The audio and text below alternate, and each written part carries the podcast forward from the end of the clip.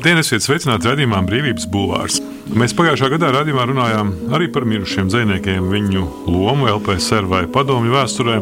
Mēs runājam par to, ka jaunais karš maina mūsu vecos skatu punktus, par to, ko domāt par krieviem vai sarkano latviešu pagātni, par valstiskumu un vēsturiskumu. Mūsu studijā dziniece Ines Sandere par to, kā ieraudzīt un aprakstīt notiekošo. Sveiki! Nu, sveiki! Es pārlasīju tavu laudāto runu Knutam Skujniekam, mm. kad piešķīra valstiskuma balvu. Tā runa beidzās tā, citējot Knutu, ka Tajā pašā laikā esmu pārliecināts, ka mums bija teicis, ka pastāvēs un saules mūžs dzīvos tas, kurš riskēs, un nevis tas, kurš centīsies saglabāt. Un es tā nu, domāju par to knutu izteicienu un domāju, ko tad īsti tas nozīmē, piemēram, šobrīd riskēt. Zini, vispār jau tā runa bija tāds liels knuts citāts savā būtībā, un es centos apjēgt, ko knuts kurā brīdī par valsti un, un, un dzīvi tajā valstī ir domājis. Un, protams, ka viņam arī tie uzskati bija kaut kādā nozīmē mainīgi caur tiem laikiem, kuros viņš nonāca dažādās situācijās un mainījās. Nu, un tad, kad Knuts beidzot bija nonācis tagad uh, valstī, kura ir neatkarīga un kura pastāv un kurā viņam arī bija ierādīta svarīga loma, tad es domāju, ka viņš par to risku un saglabāšanu visticamāk runāja tādā nozīmē, ka nu, ne, nepazemot to valsti ar kaut kādu iztapšanu politisku no mākslas eh, puses, ja, no dzējas vai no literatūras vai vispār no kultūras puses neiztapt valstī, bet riskēt tajā nozīmē, ka nevis kaut kādus standarta priekšstatus atgremot par to, kas ir Latvija un kas ir latviešu kultūra, bet riskēt viņu attīstīt. Nu, es tā saprotu to knuta domu. Arī riskēt te nozīmē, ka gan politiķi, gan arī tauta var apvainoties, ja tie cilvēki, kur paši ir savulaik aicinājuši ļoti atmodas laikā uz neatkarības atgūšanu, tagad kritiski vēršas pret valsti. Nu, it kā to gaida, ka nu, nāks tagad un pateiks priekšā, kas ir jādara un kā tā valsts ir jāuzlabo, bet tajā pašā laikā, kad kāds sāk izturēties brīvi pret šo valsti, kas arī būtu normāli, ja, tad īsti tomēr, nu, es domāju, ka tautas vairumam arī tas nepatīk. Ja. Un Knuts to saka, ka vajag tiem pašiem cilvēkiem, kas to valsti gribēja, tiem pašiem arī ir jābūt viņas pirmajiem kritiķiem, kas norāda uz to, ja šai valstī kaut kas nav kārtībā. Tas, principā, norāda, ka kritiska pozīcija gan izvēle nav iespējama. Kāpēc? Šādā situācijā situācijās, kādā mēs atrodamies tagad, pēdējos divus gadus, ģeopolitiski, starptautiski, mm -hmm. vienalga, kur, manuprāt, ir tā problēma, ka mēs neprotam izšķirt tos primāros un sekundāros jautājumus. Mēs patiešām tie sekundārie jautājumi, es nezinu, apzināti vai neapzināti tiek izlikti, lai šķeltu, mm, lai jā, jā, nu, tur, tos, vai tur ļoti viegli nonākt, protams, sazvērstības teorijās, ka nē, kāds nu, to dara apzināti. Nē, nu, bet bez šaubām. Un, protams, arī dara droši vien. Papras man, vai es domāju, ka Šlesers izpērk visas cepītas izdotās grāmatas bērniem par to, kas atrodas tur lejā. Ja? Vai viņš to dara tāpēc, ka viņš ir cildens Latvijas interešu aizstāvis? Es viņu turu vismelnākajās aizdomās un pilnīgi nebaidos no tāda veida sazvērstības teorijām. Jo es domāju, ka tā ir vienkārši prasta un primitīva jāšana un braukšana uz kaut kādām tēmām, kas ir teiksim, vienkāršas un iebarojamas kaut kādiem cilvēkiem, lai viņi par viņu balsotu. Un viss, ja, un kāda tur aizmugure par to vispār labāk nemaz nesāk domāt. Nē, tas, ka runā visvairāk par sekundārām lietām, manuprāt, tas ir galvenokārt saistīts ar to, ka tiešām arī ļoti grūti nošķirt. Es nevarētu apgalvot, ka es tā spētu skaidri nošķirt, kas valstī ir svarīgākais un kas ir sekundārs. Teiksim, pats priekš sevis es esmu izvēlējies vērt muti vaļā tikai par to, ko es zinu un ko es saprotu. Ja tas ir saistīts ar literatūru, vai tas ir saistīts ar tādām lietām, kuras es redzu, elpoju, var teikt, ja?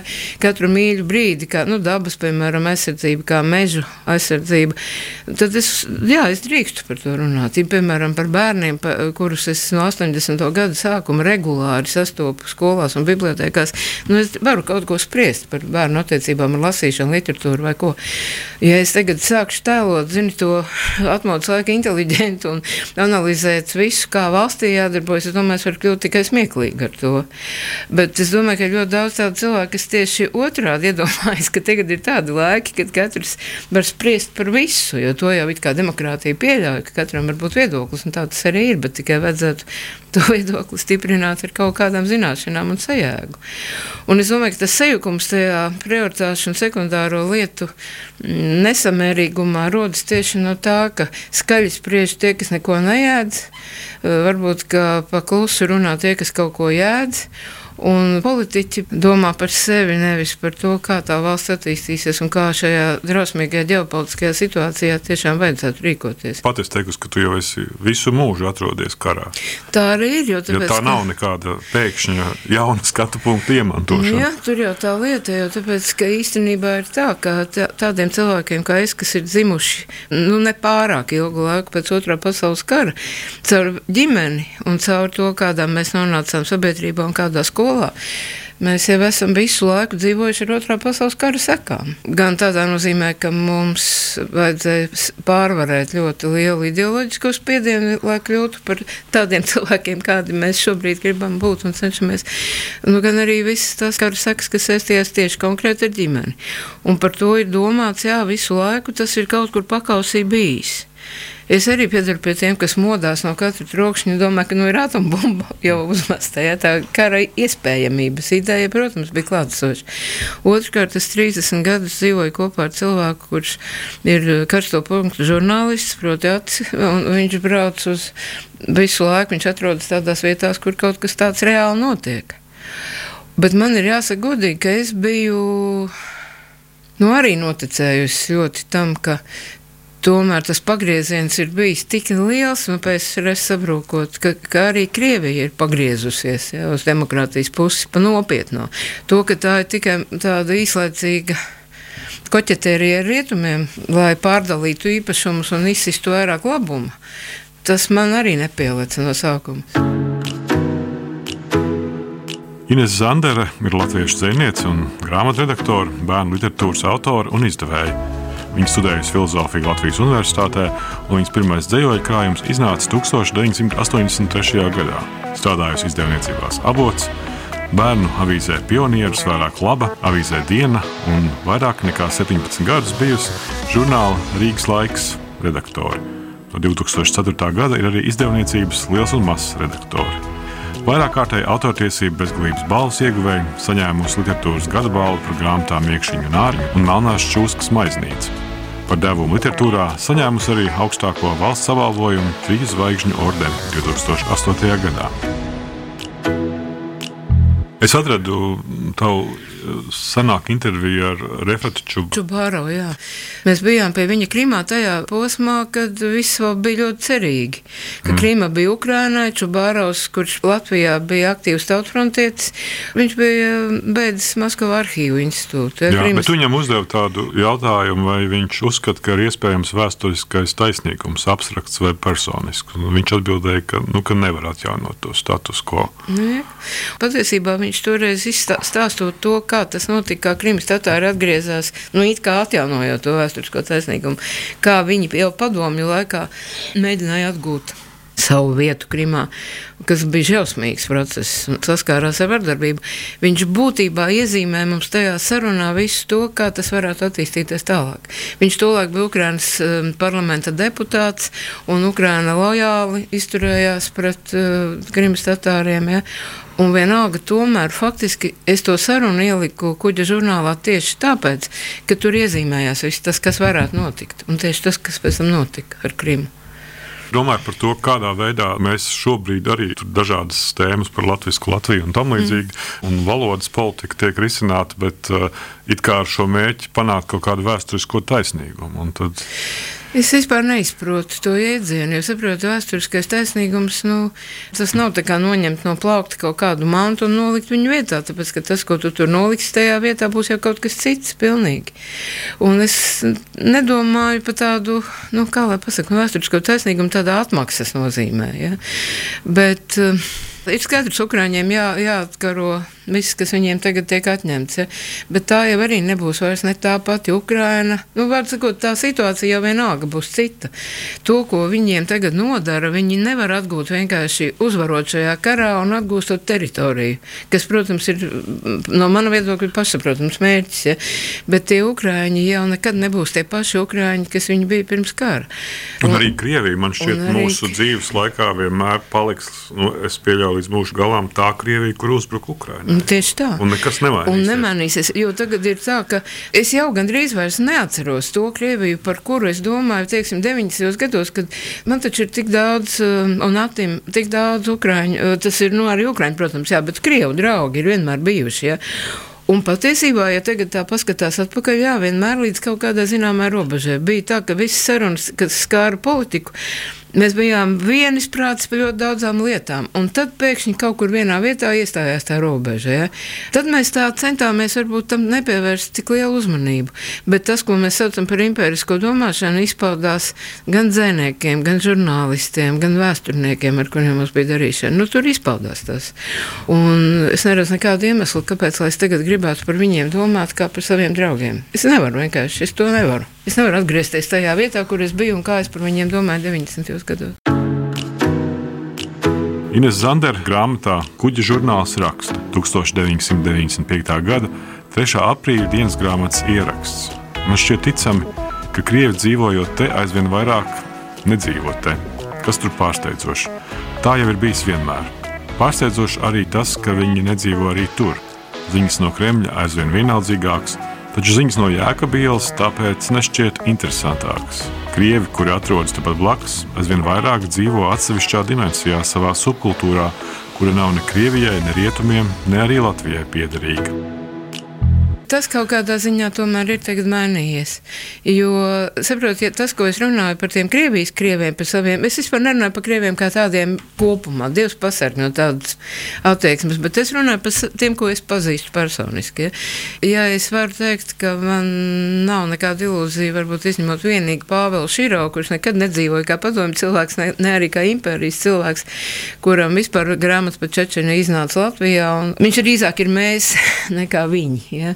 Par to nav šaubu. Bet vispār tie krievi, kas dzīvo Latvijā, manuprāt, lai arī viņu teiksim, nu, tāda tumsonīgākā masa ir pakļausies tai Putina propagandai, es tomēr radu sev apkārt Latvijā ļoti daudz krievu, kuriem gan interesē tas, kas notiek Jēkabilā, gan arī kuri nekādā veidā neidentificē sevi ar Putina režīmu. Ja? Un es nevēršu savu nepatiku pret viņiem nekādā ziņā. Man nav tā, ka es dzirdu krievu valodu, tad uzreiz man mati saslīnās stāvus. Ja? Es negribu nevienam cilvēkam atņemt vai noniecināt viņa dzimto valodu. Tas ir absurds, manuprāt, vienkārši. Ja? Un tā Latvijas atkrieviskošana, tā saucamā, ja? nu, viņa, protams, ir svarīga tādā nozīmē, ka mums nav speciāli jāpielina nevienam, un ka mums beidzot ir jāiemācās vienkārši tas, ka šī valsts saucās Latvija. Un šeit patiešām latviešu valoda ir valsts valoda. Man liekas, ka kaut kādā ziņā dzēnies Lijāna Langa mazliet no šo varbūt diezgan samērā ziņā nu, cienījamu pozīciju pievīla ar to, ka tā bija viņas priekšvēlēšana kampaņa politiskā. Nu, nu, es neņemos analizēt, bet man nepatika šī kampaņa. Tas ir skaidrs. Jā. Jā. Tāpēc, ka kaut kas viņā bija tāds, kas pielīdzina. Nu, saprot, galvenais vispār visā šajā situācijā ir, ir neieņemt tādu pozīciju, kur ir līdzvērtīga mūsu tā pretinieki, sauksim to tā, ja, pozīcijai. Jā, šāda pozīcija man liekas viens nu, grāvis, kurā var iebraukt. Un es nezinu, vai Lijāna tur iebrauc aiz pārliecības vai aiz politiska aprēķina, bet es tur negribu ar viņu kopā tajā grāvī atrasties. Respektīvi, pēc manas saprašanas ir tā, ka ja, ja politika kaut kādā veidā ir bezgalīga, nu, ārējās izpausmēs savās, ja, banālas vai pārspīlētas vai nu, tādas manā uzturē bezgalīgas izpausmes, manuprāt, liecina par liekulību, par šīs politikas arī saturisko bezgaumīgumu. Un tāpēc tas, kā to dara Lijāna, tas man vien, no paša sākuma jau sāka uh, likt turēt viņu aizdomās par to, ka arī ar to saturu tur kaut kas nav kārtībā. Es uzskatu, ka šī politiskā izpausme ir bezgaumīga. Tas ir uh, gandrīz vai tieši citāts no Knuta, vai ne, ka estētika atklāja arī to politikas saturu kaut kādā veidā. Ja nu, teiksim, es nezinu, aizkulises politiskās un vispārējos principus droši vien saprotu, bet kā tur politiķi bīda savas rebes aizkulisēs, un par to man vienkārši nav informācijas. Bet es mēģinu pēc tā ārējā veidola, kā kas izpaužās. Ja? Tāpēc, ka es pieņemu, ka cilvēkam, kas nodarbojas literatūru, varētu būt samērā attīstīts tas čoiso ņuks uz to estētisko izpausmi. Un man liekas, ka es tādā veidā savožu, kur slēpjas uh, apšaubām politika. Nu, jā, nu, Lijāna arī nodarbojas ar literatūru. Tad mans komentārs atdurās. Jā, jā bet labi, mēs, man patīk, tas bija arī kādā no tavām intervijām vai, vai kuģa žurnālā atradu, kur bija stāsts par to, ka tev savulaik piešķīra Ojāra vāciešu prēmiju. Tieši tad, kad bija Šlapins sarakstījis Rīgas laikā eh, dažādas apsūdzības Ojāram Vācietim kā padomju dzēniekam. Un nekas nav mainījies. Ojāram Vācietim palika 90, Ziedonim palika 90 un uh, tēma padomju dzēnieki un viņu līdzdalība un kolaborācija ir tēma, par ko runā tagad. Un... Nu jā, tā ir arī tieši viena no tām liānas tēmām. Kuģu žurnālā man šķiet bija tas citāts no Lūdzu Bēziņa, ka nav nekā vieglākā uzbrukt mirušai. Nu, jā, tieši tā. Te ir vēl viens aspekts. Piemēram, uzbrukt ziedonim, tas man nozīmē uzbrukt pašai sev. Nu, tas ir tā kā es tagad mēģinātu sevi bakstīt ar, no. ar naziju un tad pārbaudīt, saptur vai nesaptur vai kā. Ja? Tāpēc, ka es sāku, teiksim, imanta ziedoņa dzēju lasīt piektajā klasē mācoties, tad sākās ar grāmatiņu tāda gaiša zilā krāsā, kā sveca dega, ja, dzēju. Un es uzskatu, ka puse no maniem uzskatiem un maniem nu, teiksim, intuitīvi vai intelektuāli atklātajiem dzīves principiem ir cieši saistīti ar to, ko Ziedonis ir rakstījis savā grāmatās. Es varu saprast un novērtēt arī to, kur viņš ir laipojis. Ja. Man, man iznāca pat tāda maza diskusija ar kora kamēru diriģentiem. Viņi tajā Amerikas tūrē un arī citos Latvijā koncertos ir iekļāvuši Imants Kalniņa dziesmu apliecinājums ar Imants Ziedoņa vārdiem. Un tur uh, apliecinājumam tiek izmantoti latviešu kultūras darbinieku vārdi. Nu, tur Valdemārs tiek piesaukts un barons, un tad pēkšņi Roberts Eidemanis un Dievs pasargā Edvards Bērziņš, ja? Čaks un Rudzotāks, nu, fēna atskaņa, protams, ja? Un viņi bija nu, teiksim, savā mūsdienu jaunu cilvēku izpratnē noticējuši tam, ka tur ziedonis runā faktiski par tādu latviskuma traģēdiju, ka tur jau, jau fonā ir kaut kādas domas, tādas, nu, varētu teikt, arī pretpadomju. Ja? Bet es tur kā parastais padomju cilvēks bijušais saskatu to, ko tu sauc ar vieglu roku kolaborāciju, ko es sauktu par laipošanu. Ja? Ka vienmēr vajadzēja par to, ka kaut kāds solis tiek izdarīts latviešu kultūras aizstāvībā, vai latviskuma aizstāvībā, vai vēsturiskā taisnīguma aizstāvībai. Tad tūlīt blakus ir kaut kas jāpiemina tāds, kas atkal atbilst tai padomu ideoloģijai.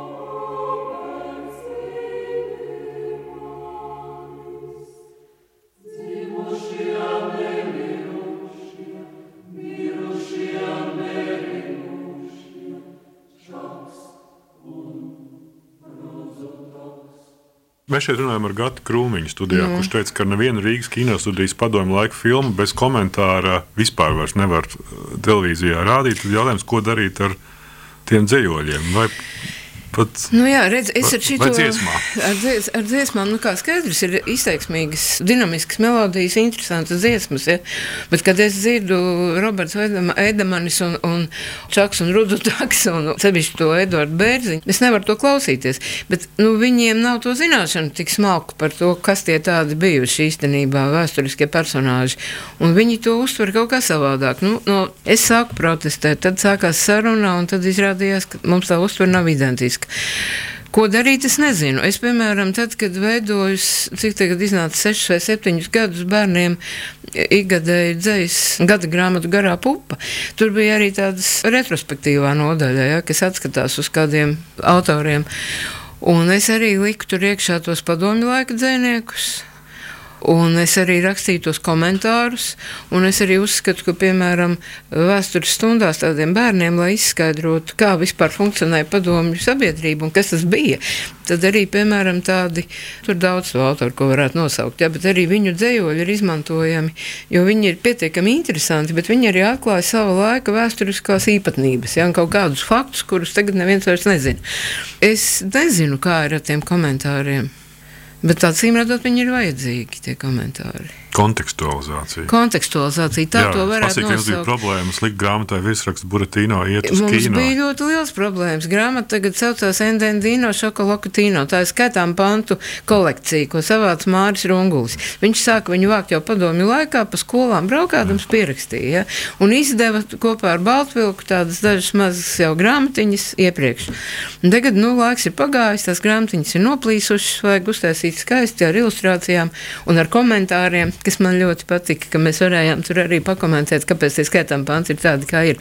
Nu, Māris bija izvēlējies pēc principa, eh, ka vajag tādu pantiņu, ko visi zina.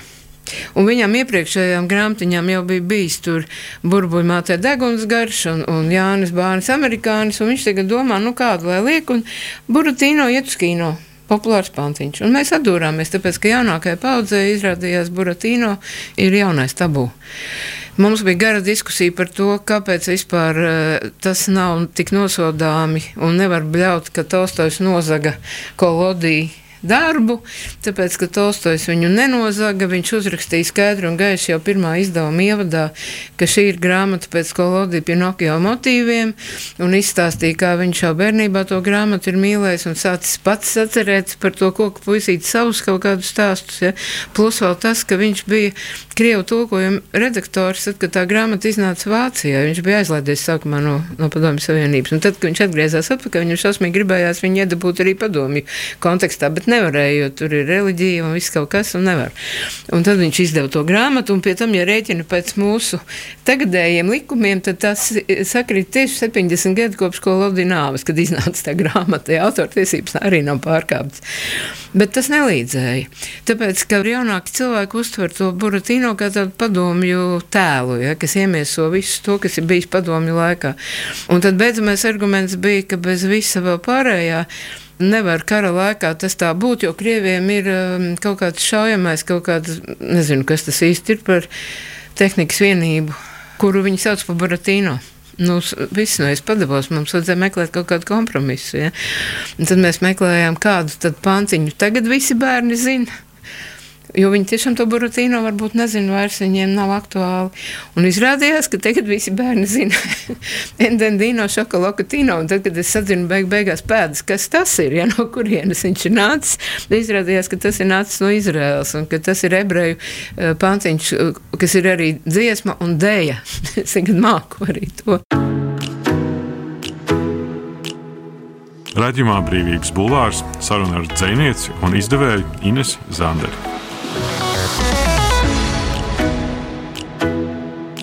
Kādēļ no rakstniekiem, tavuprāt, nu, gaida, ka viņi noformulēs kaut kādu iekšējo tautas balsi? Jo nu, tas bija kaut kāds 19. gadsimta beigu, man liekas, jā. fenomens. Tāpēc, ka vienkārši. Tā kā es no tevis tagad šobrīd. Nu, rakstnieki vienkārši māk noformulēt vārdos to, ko viņi domā.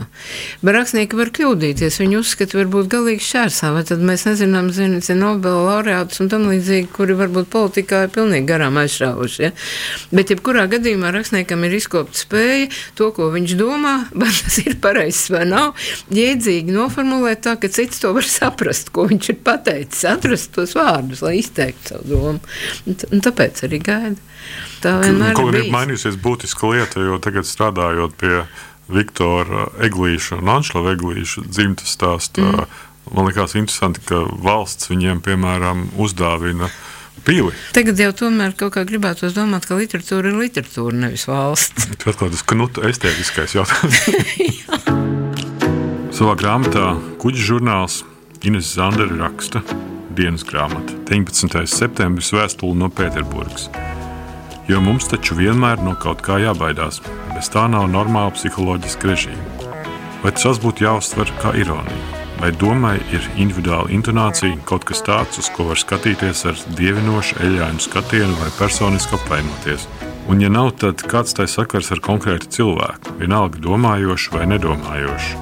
Tikai tāds, ka jebkura draudu palielināšanās var ierosināt domu, bet apdraudēts var justies tikai konkrēts cilvēks. Un, ja domāšanai, tāpat kā terorismam, vai precīzāk nogalināšanai, tiek piemēroti dubultstandarti, pēc kuriem nāves izrādās atšķirīgi vērtīgas. Tad Vai tevi uztrauc kaut kādā ziņā tas, ka atgriežoties pie šīs kara tēmas, ka tas prāts ir sagūstīts un tā brīvā domāšana nav iespējama arī tādā radošā izpratnē? Ka tas karš jebkurā formātā viņš jau. Nu, tas ir tas, ko es jau iepriekš teicu. Nerada šo distancētības iespēju patiesībā. Nu, nerada, bet es sevi cilvēkam, kā zināms, vienmēr ir jātur aizdomās, to jau es esmu izklāstījusi daudzas reizes. Ka, sevi nu, un citus tu biji teikusi. Sevi un citus, jo vispār ne jau es to saku, bet piedodiet, kad jau es vēlāk palasīju, es sapratu, ka to teicis Gēta. bet es to pirmo reizi pateicu sev pati, ja, ka tas iedzimtais grēks nozīmē to, to, ka, ja tu arī neesi nekā, neko ļaunu darījis, tu neesi nogalinājis, tu neesi e, pievīlis, tu neesi no, laupījis vai kaut ko tam līdzīgu, e, tas jau nenozīmē, ka tu esi drošs, varbūt drošs par to, ka tu nekad to neizdarīsi. Tas ir tas iedzimtais grēks, ka katram ir sevi jātur aizdomās, ka viņš uz to ir spējīgs. Un visstrakākais piemērs, ja, kurā man to par karu runāju, tas ir, man liekas, arī tagad iekšā tajā ata reportāžu grāmatā. Nu, viņam bija iespēja vienreiz tā ilgāk padzīvot ar armēņiem un azerbaidžāņiem par to konfliktu, parunāt Karabahā un tā, ja. Un viņam tie azerbaidžāņi stāstīja, ka viņi nesaprot, kas notika ar viņiem. Cilvēks ar augstāko izglītību, man liekas, ka viens vēl tik pat nebija dakteris. Ja? Viens teica, ka viņš ir gājis iekšā Karabahā, atspēris durvis vaļā ar kāju un laidis automātu kārtu, vispār neskatoties, kas tur pa cilvēkiem. Ja? Un otrs teica, ka viņš ir nošāvis armēni un uz beigtā armēņa lēkājas ar kājām. Un ka viņš tagad visu laiku domā par to, kā tas bija iespējams un kā viņš varēja to izdarīt. Kāpēc viņš to darīja? Ja? Nu, viena lieta ir, ka tevi sūta karot un tu ej un izpildi to pavēli, ja? bet otra lieta, nu neviens tev nav pavēlējis lēkāt pa ienaidnieku līķi ar kājām. Tas ir tas, par ko ir sevi jātur aizdomās. Ja, ka tā kara situācija var izprovocēt mūsu pašus to ļaunumu, kas mūsos ir iespējamības formātā. Un ir sevi jātur aizdomās. Un citus arī, tāpēc, ka citi arī cilvēki. Nu, es, es tikpat labi varu iedomāties jebkuru no mums kaut kādā situācijā, kurā pēkšņi ar viņu notiek kaut kas ārprātīgs. Ja. Tas, protams, ir tāds. Nu, gūsts savu veidu, ja, no kur nevar tikt vaļā. Bet nav tā, ka tas būtu tikai tagad. Nu, tas ir vispār cilvēka dabā. Tāpēc jau arī mēs runājam par to, ka tas karš nav tik liels pārsteigums. Nevis tikai tādā nozīmē, ka lūk, mēs neparedzējām, ka Krievija iebruks Ukrajinā, bet arī tādā nozīmē, ka kara iespējamība jau dzīvo cilvēkā, un viņa var atnākt nu, visdažādākajās situācijās. Un galvenais būtu nu, jā, turēt sevi aizdomās un neļaut tam savam ļaunumam izpausties. Tādā ziņā nekāda vaina nav no radošā viedokļa, jo tās ir tēmas un sajūtas, par kurām cilvēki reflektē vienmēr. Un nav tā, ka tagad šīs konkrētais karš kaut kādā veidā nobremzē Vai atļauj tikai kaut ko vienu runāt? Nē. Bet kurš no šī viedokļa ir vēsturiskākais periods, kurā tu esi dzīvojis? Tas ir ļoti dīvaini. Man būtu jāsaka, ka atmodas laiks, bet es viņu neatceros. Es varu atrast savā atmiņā bezgalīgi daudzumu detaļu par teiksim, 60. un 70. gadiem. Ne tāpēc, ka man viņi patiktu, bet vienkārši tāpēc, ka es reāli daudz ko atceros. Jau par 80. man paliek aizvien grūtāk, un tad, kad atnāk 90. Nu, es varbūt atceros kaut ko tādu ļoti personisku. Ja man būtu jāpastāsta vispār, kas notika 80. gadu beigās un 90. gadu sākumā, tikai nesmējies, bet es pat, pat neatceros, kurā gadā kas īsti notika. Ja? Un es nezinu, man izskaidrojumu tam nav. Es zinu, ka veciem cilvēkiem ir tā, ka atcerās to, kas ir bijis bērnībā, un neatcerās to, kas bija vakar. Ja? Bet nu, ar tik traki nav. To, kas bija vakar, to es vēl tīri labi atceros. Deviņas vēl atcerēsies. Kaut kas tur ir ar to laiku. Es nezinu, varbūt tas ir kaut kāds aizsarga mehānisms, ka tas laiks bija tik šausmīgi intensīvs, ka nu, man tur atmiņa ir izveidojusi kaut kādu sietu, kuram nenāk cauri lietas. Ja? Man vispār reizēm ir tā, ka man liekas, ka mans galvenais uzdevums dzīvē ir aizmirst. Tā arī var būt funkcija. Par to vēsturi es domāju ļoti daudz, bet tas arī ir notikums pašlaik. Respektīvi, tā nav vēsture tādā nozīmē, ka es mēģinu izanalizēt, kas tur toreiz notika. Ja? Es faktiski nodarbojos ar tiem nospiedumiem, kas no stāstītā, pieredzētā vai lasītā veidojas manā galvā. Tā man ir šodiena. Tā nav nekāda vēsture. Tas ir tas, kas ar mani pašlaik notiek. To es arī rakstu. Paldies. Tā ir dzinieks Ines Zanders, radījums Brīvības Bulvārs. Mans uh, vārds Gins Grūba, radījuma Montēna Normīts. Paldies. Paldies. Brīvība ir brīvība. Nevienlīdzība vai taisnīgums, vai kultūra vai cilvēks laime. Tā teica Iesai Berlīns. Sarunas ar brīvas apziņas un ideju cilvēkiem radījumā Brīvības Bulvārs.